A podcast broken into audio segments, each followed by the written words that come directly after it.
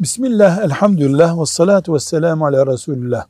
Evde çocuğa getirilen hediyeler, çocuk için gelen hediyeler kime aittir? Kim bu hediyelerin sahibidir sorusunda kural şudur.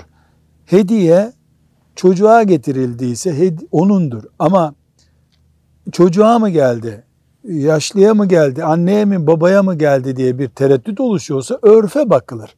Mesela sünnet düğününde getirilen hediye çocuk içindir muhakkak ama getirilen hediye farklı bir e, imkan mesela bir zarfta para bırakılmış, yabancı para bırakılmış veya büyüğün de işine yarayacak şekilde getirilmiş veya özellikle anneye masraf ettiniz buyurun bu sizin e, katkımız olsun size şeklinde denmiştir. Bütün bunlarda karineye bakarız. Karine ne demek?